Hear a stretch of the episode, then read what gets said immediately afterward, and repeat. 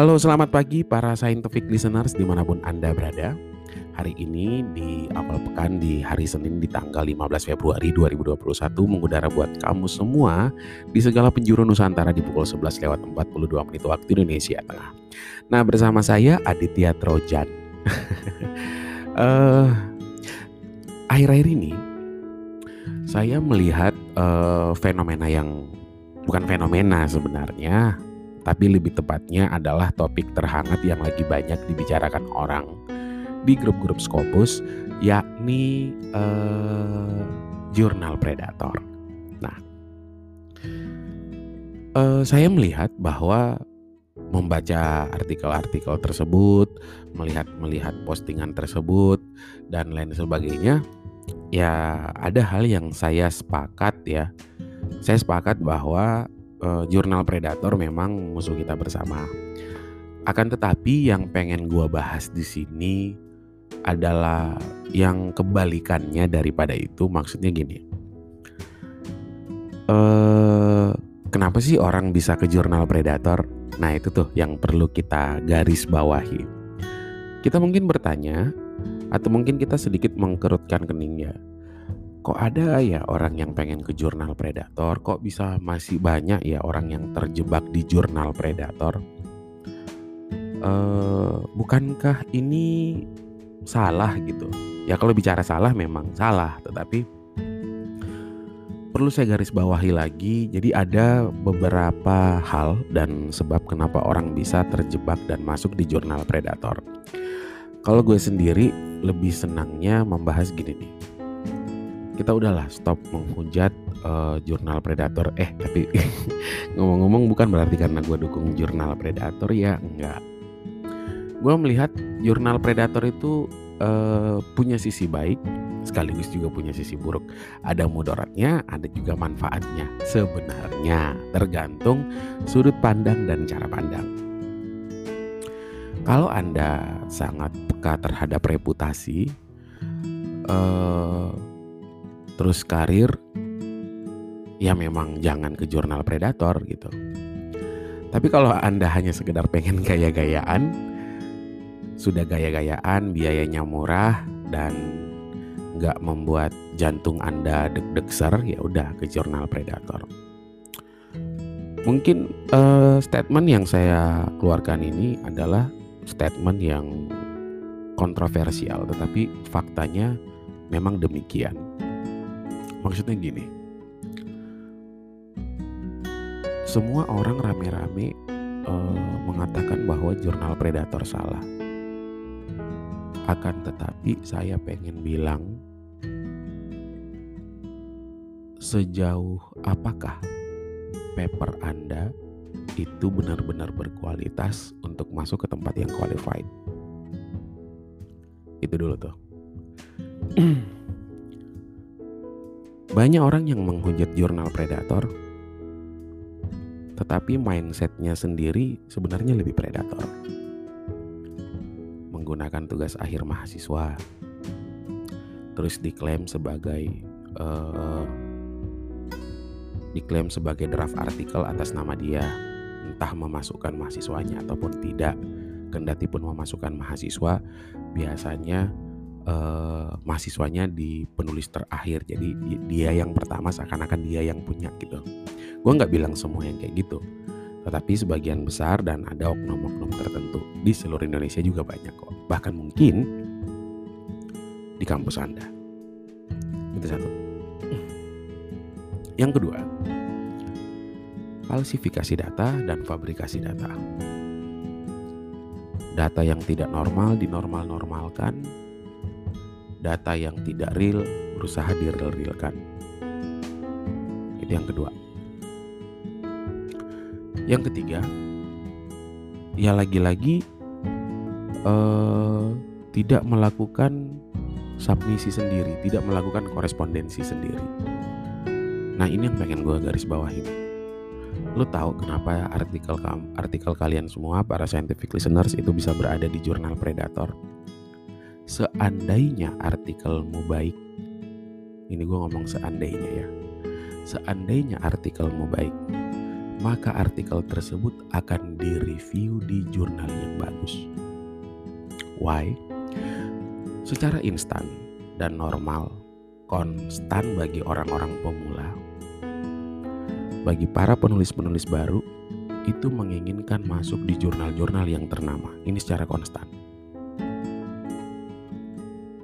Dia dapat rekomendasi, dapat informasi dari teman-temannya kalau misalnya Springer bagus, IEEE bagus, Elsevier bagus, Emerald bagus, Taylor and Francis bagus. Mereka akan mempersiapkan artikelnya ke sana. Itu yang dilakukan orang pertama kali. Orang itu nggak akan mungkin ujuk-ujuk langsung datang ke jurnal Predator kecuali emang dia bego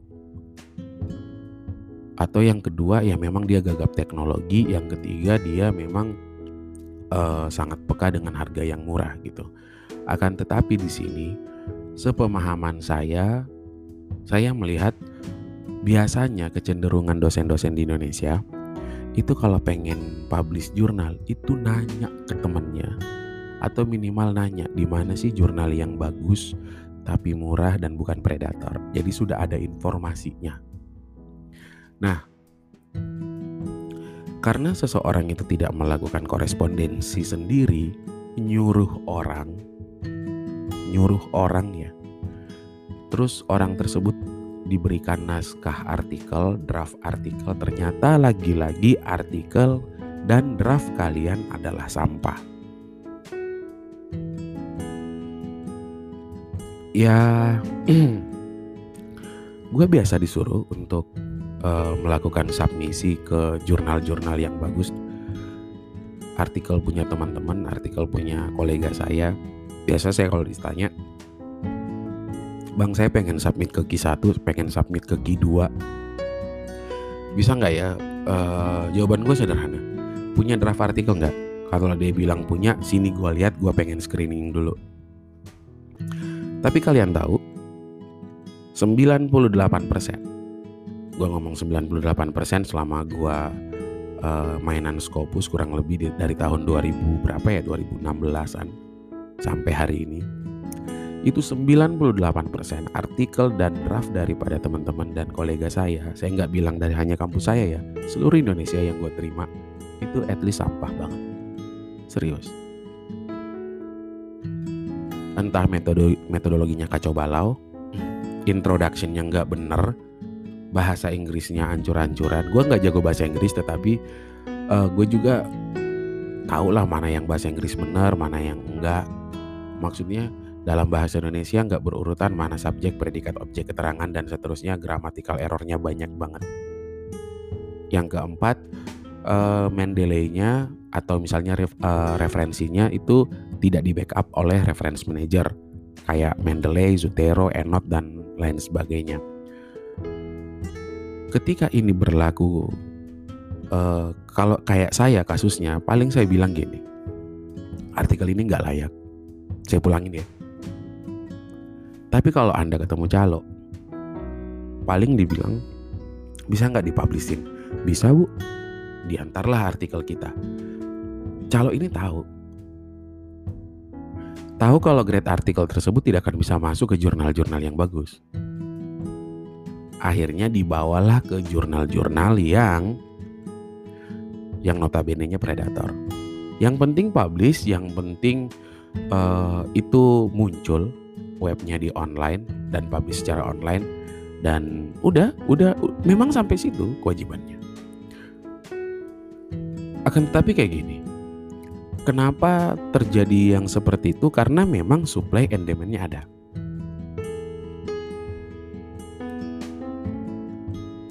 Uh, gue bilang nggak semua dosen itu dan tidak semua dosen utamanya di Indonesia ya gue nyoba gue ngomong yang faktanya aja. Nggak semua dosen itu tertarik untuk uh, melakukan submisi sendiri kecuali memang dia benar-benar paham. Kebanyakan ini bukan bukan nggak paham tapi tidak mau tahu. Dengan beribu-ribu alasan gaptek lah dan seterusnya lah. Gue nggak hanya sekedar bicara yang yang manula ya dosen-dosen manula. Ini juga gue bicara kepada dosen-dosen yang muda. Ya penyakitnya sama. Nggak mau tahu. Oke lah at least kalau kalian tahu masalah submisi jurnal paham banget. Tapi lebih banyak lagi orang yang tidak mengupgrade uh, ilmunya tidak pengen belajar tidak pengen mengasah keterampilannya untuk benar-benar bagus uh, dalam menyusun artikel. Apa yang gue bilang ini fakta? Apa yang gue bilang ini fakta? Artinya gini. Uh, tahun 2020 kemarin gue sendiri ya gue sendiri bawa webinar itu at least 8 sampai 9 selama setahun. 8 atau 9 kurang tahu ya belum lagi teman-teman saya yang lain belum lagi teman-temannya yang lain. Ataupun pokoknya webinar di tahun lalu menjadi sesuatu yang biasa ya dan hampir tiap hari kita bicara tentang webinar entah itu pelatihan apa pun entah itu workshop atau apa pun uh, dan juga lebih banyak tentang penyusunan artikel.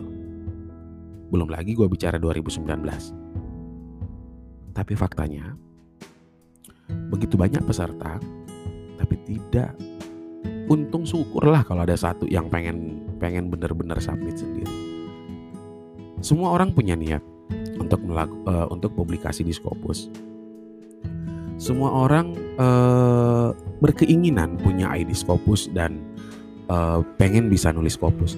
Tapi tidak semua gue bilang ya tidak semua orang itu pengen mengupgrade ilmunya pengen bersusah payah membaca pengen ber, uh, pengen bersusah payah untuk apa ya untuk belajar uh, mengupgrade dan mengasah keterampilannya dalam membuat artikel ya semua hopeless dengan dengan dirinya malah lebih banyak gue lihat uh, orang yang mengeluh di grup. Ada satu grup di Indonesia, gue nggak perlu sebut di sosial media. Isinya 9 dari 10 adalah keluhan. Skopus susah lah, skopus inilah, itulah, dan seterusnya. Bisa nggak sih uh, mindsetnya diubah gitu? Jadi kalau gue bilang predator salah, iya predator salah tetapi lagi-lagi cobalah jadikan ini sebagai bahan introspeksi diri uh, biar supaya kita tidak masuk ke jurnal predator lagi gitu. Dengan cara apa? Ya dengan cara memperbaiki kualitas artikel kita. Artikel lo bener, gak mungkin lah masuk ke situ. Nah, apalagi ya yang pengen gue ngomongin? Eh, uh, gue sebenarnya uh, melihat jurnal Predator dari sisi yang berbeda ya. Kenapa jurnal Predator itu high demand? Ya karena uh, suplainya banyak, memang banyak banget jurnal-jurnal Predator. Tetapi untuk 2021 ini itu nggak sebanyak di 2018 dan 2019. 2020 udah banyak banget yang udah discontinue gitu contoh misalnya kayak IJCC dan seterusnya IJST, uh, IJSTR, IJSRT dan seterusnya etnis kayak gitu lah. Dan di beberapa webinar gue juga udah ngomong uh, kriteria-kriteria uh, dari jurnal predator itu kayak mana gitu. Itu udah banyak banget di YouTube juga udah gue ngomong. Uh, tapi yang perlu yang perlu saya tekankan di sini kepada para scientific listener semua adalah cobalah untuk mengupgrade diri gitu. Jurnal Predator salah tetapi ini bagian kedua yang gue jelasin ya. Uh, apa ya? Susah sih ngomongnya. Maksud saya adalah hmm,